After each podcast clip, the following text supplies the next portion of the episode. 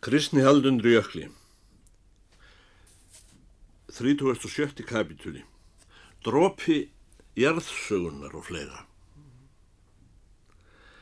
Kynlegur ómur. Hvaðan barst þessi músík sem var næstum ekki neinn Undirritaður stendur út á bæjarhlöðum í náttkyrðinni. Þykir vissara að doka uns örugt sé að menn þessir missi löngun að fara til kirkju.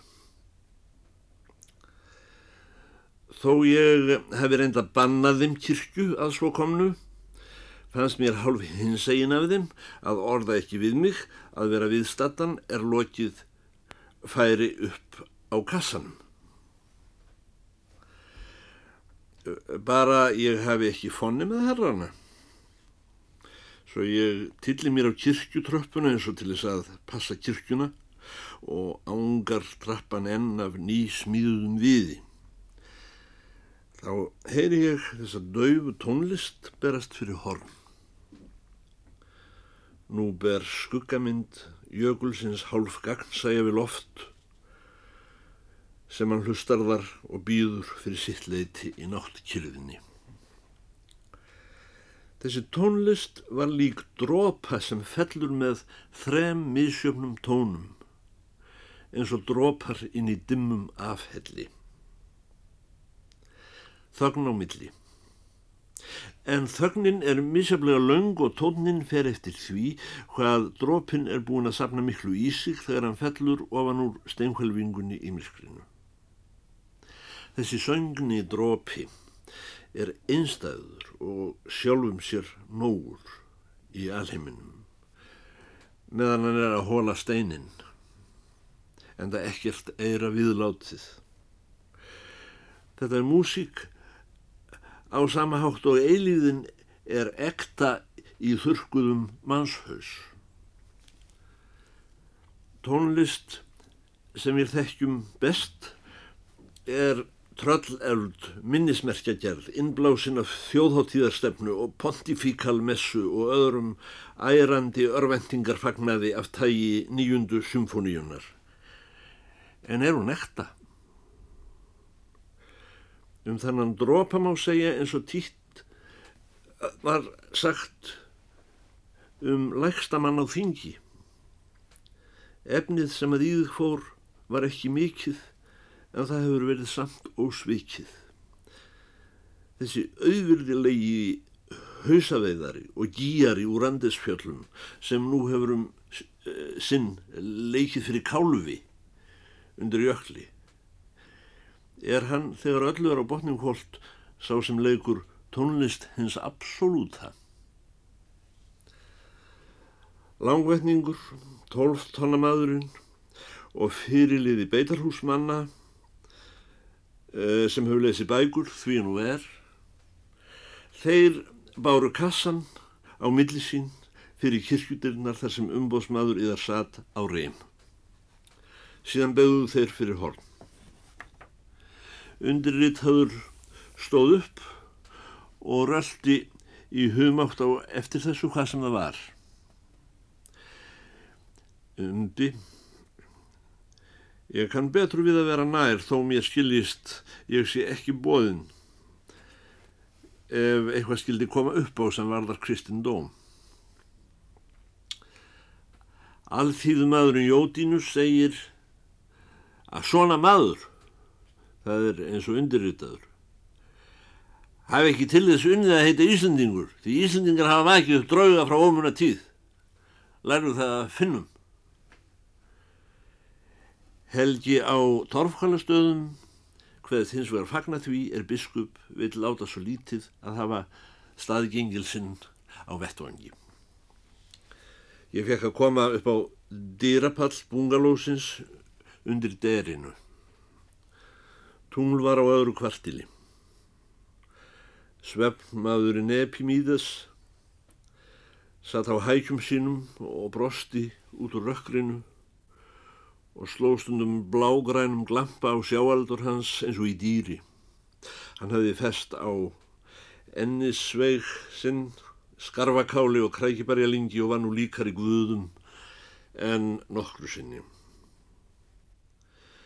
Dropinn satt á kálfum sér og hærði lútu sína með laungum millibilum í leita þeim tóni sem aðeins verður sóttur aftur og bakk í jarðsöguna. Það voru sannast að einu sinni hafi verið þurkur á jörðinni í 200 miljón ár. Ekki drópi úr lofti. Allt líf þornaði upp. Samt helt hugssjón vassins, sem er hugssjón lífsins, áfram að búa í eðimörk jarðarinnar. Ef tilvill hafiði þessi gýjari klófest tón drópans sem helt áfram að falla í afhellum andesfjalla í 200 miljón ár. Byggjum og vonum að tónlist hens absolúta sé ekki bara enn eitt afbreyði þeirrar engilsaksneskrar antimúsikur sem barmafyllir fjölmiðlunar tæki heimsins eða nótt sem nýtan dag. Saknúsem sá annar með því nafni sem mig grunar því miður að vera kunni profesor í Los Angeles hann var að bera sig að setjast í helgistellingar eins og búta og let bronkhóvoðina dilja augljósan styrleika sinn í bútisma setti upp hattkúf vondan og dró hann of dökka skör sem ég vona þýði og í augabrúnir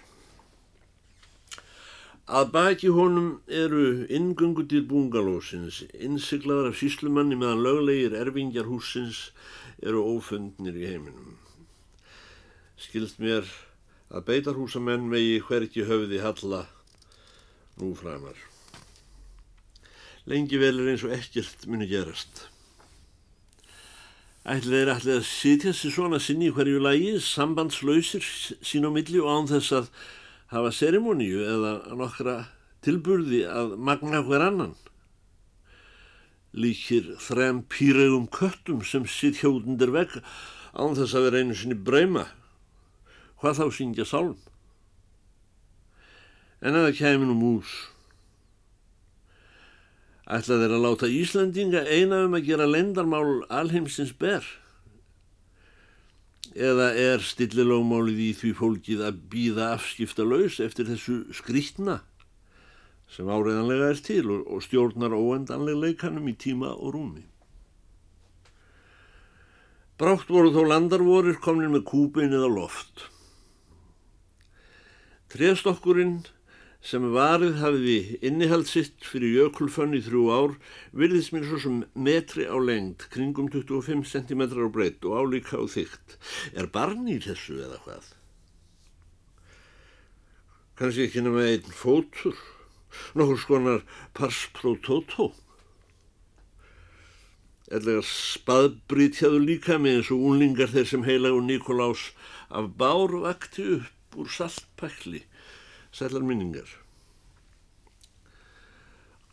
Stokkurinn var rambyggilega smíðaður en viðurinn hefði blotnað inn úr eftir að kassin var tekin úr frosti jökulsins og hafði nú í nokkra klukkutíma verið umleikin af cirka 12 stiga lofthitta. En þegar fjalinnar höfðu verið sprengdar hver frá annari reyndust þær aðeins ytri umbúðir. Undir var hilki og ljósleitum málmi og leiðt út eins og sylfur sem farið er að falla á en reyndist vera syng. Sá málmur hefur bláhvít hann lit nokkuð skjálgránalegan, kallaður synghvíta og hafður til að draga á palísandir þiljur í kokkúsum. Nú liggur synghilkið á svölunum og þeir ætla að fara að ná að í lokinu. Undirritaður gæti ekki orðabundist þegar hér var komið sögu, umbi á ensku. Ætlar engin að segja orð hér eða eitthvað? Er ekki viðegandi að fara með eitthvað gott þegar verður að reysa upp frá döðum? Eftir góða stund kom eftirfarandi svar undan hatti Saknúsems annars. Með treyja lávarður vakti okkur upp þrjá af öngðu og þar voru ekki töluð orð. Hvað sem drottin með treyja hefst að Fannst mér óverjandi annað en Helgi Bondi og langvetningur á torfkvælastöðum segði eitthvað úr því e, beitarhúsamenn hvíkuðu. Umbi við Helga Bonda. Ætlaði ekki að segja eitthvað maður? Eftir nokkra töf gengur Bondi út af pallriðinu mót hálf glæri skuggamyndi jökulsins gullbrytri af túnli. Hann léttur upp hendur sínur og liftir andlitinu á samt glerunum mót mjölkringunum og er farin að tala við mestara sinn, læri föður og doktor á þeirri málísku sem þeir voru vanir að brúka sín á milli. Lífið sem þú baðst að býða þín í þessu hilki umst þú kveiktir það á nýjarleik með íleiðslu fyrir tilbeina stillilagmálsins Svo stundur komin að þú látir það stíga fram endurborið í astrokemiskri fullkomnun og breyta lífeðlisfræði jarðarinnar. Nú munur starfsmenn þínir og stillilagmálsmenn taka lokið af þessu skríni. 37. kapitlu Dýrapallurinn áfram. Nótt. Gott kvöld. Hver er sá dularfulli gott kvöldari er svo mælir á þessum tíma sólarsins ríkisútvarfið eða hvað? Á pallinum mitt á meðalokkar stendur kona. Hún kynni að vera vel á miðjum aldri þrifleg í síkildri barberikápu og hefur vassbláan slúthött úr skinni eða plasti og heldur á netpoka eins og hafðir eru í flugferðum Ég held okkur hafi öllum vafist tunga um tönn. Hvað eru vilja hér, spyr konan. Ætli ofmælt sé að við þeirri spurningu hafi mönnum orðið svarafátt. Við landar vorum held ég jafnvel ögn skömmustulegir í bragði ekki ósvipað smápiltum sem eru að því staðin er að slíta upp gullróur í annar manna kálgarði. Tó skal ég taka fram að beitarhúsamenn letu sér í öngu bregða hvort sem það var af sökum hugljómunar sem þessir menn eru haldnir að staðaldri ellegar astrotelekinesis kosmobiológia og bioradioþerapía er hverstagsleikinn uppmálaður í augum þeirra og þarf ekki skýringar við en Þegar líkt greitust svör af hendi þeirra sem fyrir voru þá beigð konan ekki bóða með en gekk rækleitt að hústyrum. Þar var fyrir innsikli síslumannsbundi með spotta. Konan þurfti ekki einu sinna að taka upp skjærin sín heldur svifti þessu burt með hendinni eins og húsaskúni. Síðan tók hún fram liklakippu sín að leitaði stundarkornar rétt um likli, laug upp, gekk inn, lokaði á eftir sér var horfinn. Langvetningur. Hver er þessi kona? Braut hún innsiklið? Jótinus. Hver hún var? Það er ekki nefn einn kona sem líkur upp þessu húsi. Langvetningur. Hvaða kona er það? Jótinus. Ég er bara verkamæður og hef tekið hér tímakaup frá upphafi fyrir að halda kæfti. Nú opna ég ekki kæftna mig að fái tímakaup fyrir að tala. Mín vegna megi þeir halda að þessi kona sé ofan rigningur. Umbi, hvernig ofan rigningur? Langvetningur. Þarna kemur ljós út um rífuna á glukkatjöldunum? hún er búin að kveikja. Þetta er þá manneskja. Það hefur þó tekist. Jótínus, helst hún kynna ekki á rammagn eða það? Vissu ekki hvað þið voruð að veikja upp? Hvað segir biskupin? Umbi, mér vitanlega var ég horki að vekja upp eitt nýja neitt. Ég er hér stattur sem umbóðsmaður kirkjumálar á neytisins.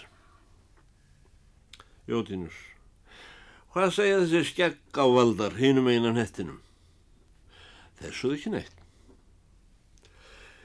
Stillilógumálið hafi verið að verki, kosmobiológi og epagógík höfðu sannað sig, íleðsla farið fram, bioinduksjón eins og þessi Amerikan segir með orði sem mér hefur aðvísu ekki tekist að finna í 17 ennskum orðabókum, en gæti vilja hundarslegt þjófamál hjá helgjamönnum og dulsbökum og öðrumönnum í Kaliforníu.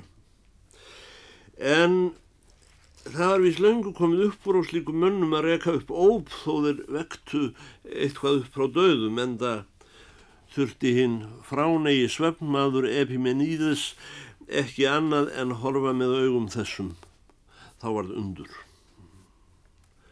Mjúkvaksinn konan stendur berhauðuð í dyrum stínum og ber skugga á andlitið en byrtan stendur út um opna gáttina að baki henni. Við nánari aðtugun hefur koninni uglust þóttur rétt að samprófa hverjir þeir mennværu sem hún hefði í utanviðska heitum bóðið gott kvöld um leið og hún gekk inn til sína á þann. Konan, eru þið heimaminn hér, pilstra mínir? Langveitningur með stort hross í gleraugunum samt á þekkur lillum dreng. Við komum sinna hverju heimshorni vegna lítilræðis. Þessi hérna maður er úr Andesfjöllum og hinn skilst mér sé einhver staður úr ríki Aleksanders mikla. En þessi þarna er andlegur maður úr Kaliforníu. Konan og þú sjálfur væni minn? Langveitningur. Já, ég er nú eiginlega svo langt að reikin að engin veit lengur hvar sveitin minn liggur og, og alla ég sjálfur. Ég heiti Helgi Jónsson frá torfhvalastöðum í Langavastal. Ég er maðurinn sem æfinlega var að leita stórum hestum. Einn dag rakst ég á mistarann og hann segir við mig Ég skal kenna þér kosmobiológíu. Í fyrstu fannst mér ég hefði aldrei heyrt aðra eins fjärstæðu. Ég er það sem þeir kalla kennara skóli sér aður maður og þar að leiðand upp á skynsemi. Manna kimbauður frá mjölkringunum, það er nú ekki aldeilis handa hrossa köpmunum. Það er sem maður segir, Anna fólaldur annar í meri. En hvernig fól? Reynist það hross ekki einat best sem maður síst þarf að trúa upp frá þeim degi gæt ég ekki um annað hugsað. Ég er eins og maðurinn í biblíunni sem frétti um vænar hissu, seldi allar eigur sínar og fór á stað og kipti hana. Senast gaf ég bókina mestarans út á eigin kostnað. Ég er reyndar ekki búin að hafa upp í kostnaðin enn, en sá hefur allt jænt sína umbun í kristilegri samvisku sem hefur komið sannleikanum á prent, þó enginn vilji lesa hann. Komið er sælar og verið velkomnar frú, gleður mig að kynast yður. Jódínus, ég byrður að fyrirgefa þó ég sé bara alltíðum aður og heiti Jódínus. Þá er ég nú samt sá sem var hér fyrir grossirann, ábyrgur fyrir öllum hans gerðum. En Álfberg heiti ég líka og skáld er ég, þó ég sé ekki nútíma skáld og um ég líki ekki þessi nýju skáld sem ekki einu sinni stendur í hljóðstafnum hjá þeim. Það var ég sem flutti efni í öll hraðfristi hús hér í Grendum.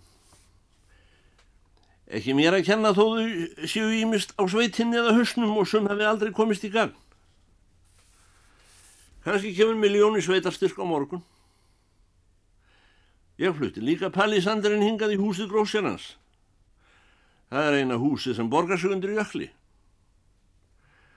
Mér minnir annars við séum skild, konagóð, svo ég byrð forláts að ég þúa yður. Þessi mjölkdrykkjumadur sem situr þarna með rammagsapparat handan jósnurum, hann segist vera biskup. en ég er nú ekki smeygur við svoleiðis menn. Sögðu koninu hvað þú heitir? Undirritaður tóktist engin gulróð þjóður vera í þessum kálgarði og sá ekki ástæðu til að gera grein fyrir sér. En það gaf konan ekki um mig og syndi ekki kynningunni hjá Jótinussi. Hún snýri sér að þeim útlendu og talaði til þeirra af strángleik, tempruðum með vorkunsemi eins og húsfreyjur hafa í þeim tóni löngum sagt beitar húsamönnum fyrir verkum bæði fótsógunum og þjóðsógum Jóns Átnarssonar. James Britti býður ykkar í höfustan og reynir nú að koma ykkur á stað áleiðis strax. Hann er með flug með að handa ykkur aðra nótt. Jódínus Ég er á 12 tonna bíla aðgastur í reppa til að sofa og munur ekki um að taka upp í hjá mér nokkra verðinsfrælsara og skuttla þeim áleiðis. Saknur sem annar drefur framundan slá í sínu handfylli af samanvöðluðum Ameríkusöðlum og veifar þessu. Konan, hvar fenguðu þessa peninga ú pofru diablu ú? Saknur sem annar, með træja lávarður sem skapað okkur úr öngu og er nú skroppin heim til sín í fymta heiminn, hann hefur líka skapað okkur peninga að lifa fyrir þannig til hann kemur aftur eftir 3000 ár. Gíjarinn hættir að kreista út dropa jarðsögunar úr strengjum sínum. Ég er með hausin á hann í skjattanum mínum. Svefnmaðurinn Epimenides rís á fætur, snýr sig í hálfring brosir út á haf og er ferðbúinn. Konan, já reynið að koma ykkur til Los Angeles fljótt vestlings auðmingjarnir mínir. Það getur sleiða að ykkur hérna. Til skýringar á afsökunar víkur konan þessari aðtuga sendað okkur. Svona auðmingjum gafst hann aldrei upp á að sapna og þreytist ekki á að draga þetta á eftir sér fram og tilbaka um heiminn. Þegar konan hefur afgreitt mál beitarhúsamanna röggsamlega sem nú var greint, þá snýr hún sér að því málefni sem sannlega var orð í tíma talað og bendir á syngstokkin á pallinum fyrir framandirnar. Hvað er í þessu hilki? Ætlið að hafi annars ekki verið sálfræðilegt undur fyrir sig að allir skildu vera búin að gleyma kassanum. Þar á meðal undirritaður. Og var honum þó falið lengstra orða af gísliðhautunum að gá hvað í kassanum væri. Loks hafiði í alþjóðar auksinn gerst undur af því tægi sem henn eru sein þreyttir að spotta því undur til þeirra guðfræðinni. En í þetta sinn vil nú svo vel til að ekki vantar nema staðfestingu frá notari og publiku til þess undrið því orði vísindalegt.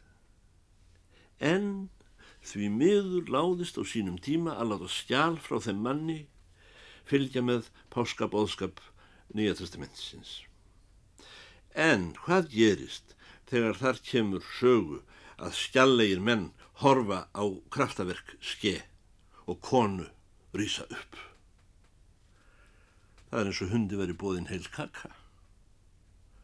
Mönnum verður blátt áfram sinnfall. Flestir gá á klukkuna, hafa öðra sinna, þurfa að flýta sér. Þegar konan myndi þá á, tóku þeir þó það mikið við sér að þeir fóru að losa um lokið á kassanum. Það var ekki nema mánuður fram að sólstöðum kvöld í útnorðri bráðum orðið að morgni í landsuðri Samt var það ekki villuljós af rammagni innan úr andirinu bakkonunni. Þegar lokið var tekið af, glitti af ljósi þessu á innihald kassans. Ljósið vakti ofbyrtu í efni sem fylti stokkin á barma og glóði sem ógnum veikjandi gimsteinn. Meiri um sig en þó höfuð demantar veraldarinnar var lagðir saman. Þetta var klakadröngull. Ísinn var að vísu sem fyrr segir tölverðfærin að þýðna af margra stunda fluttningi í plúsgráðum lálendisins og farin að losna frá börmum ílátsins. Þeir botnveltu stoknum svo innihaldið varður löst.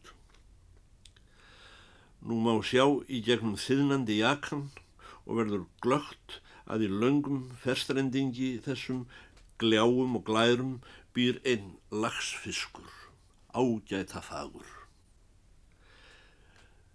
Fisk þessu líkan að stærð hafa allir frægi lagsveiðimenn mist af öngli sínum og gleyma því aldrei síðan.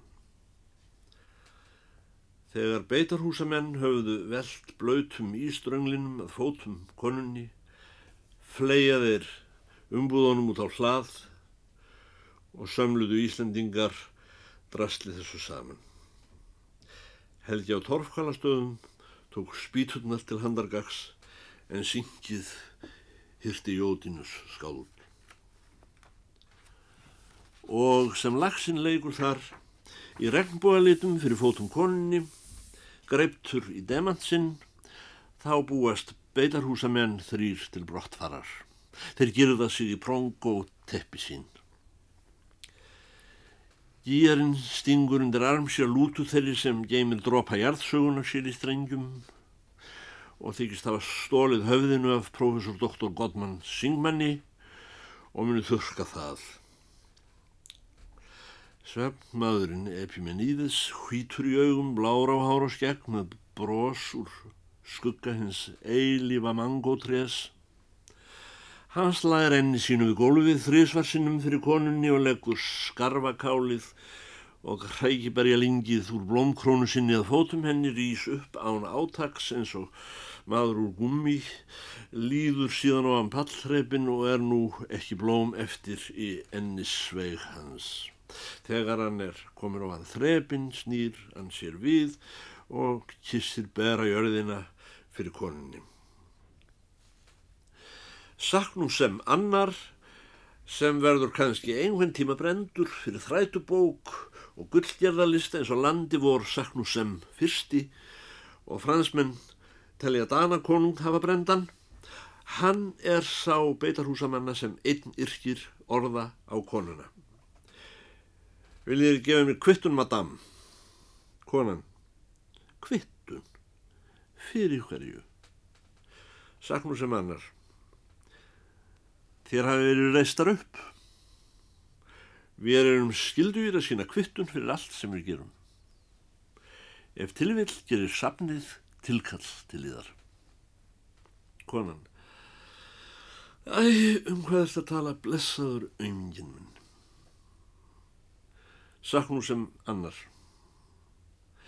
Epagógiska sapnið sem með treyja lávardur stopnaði í Kaliforníu.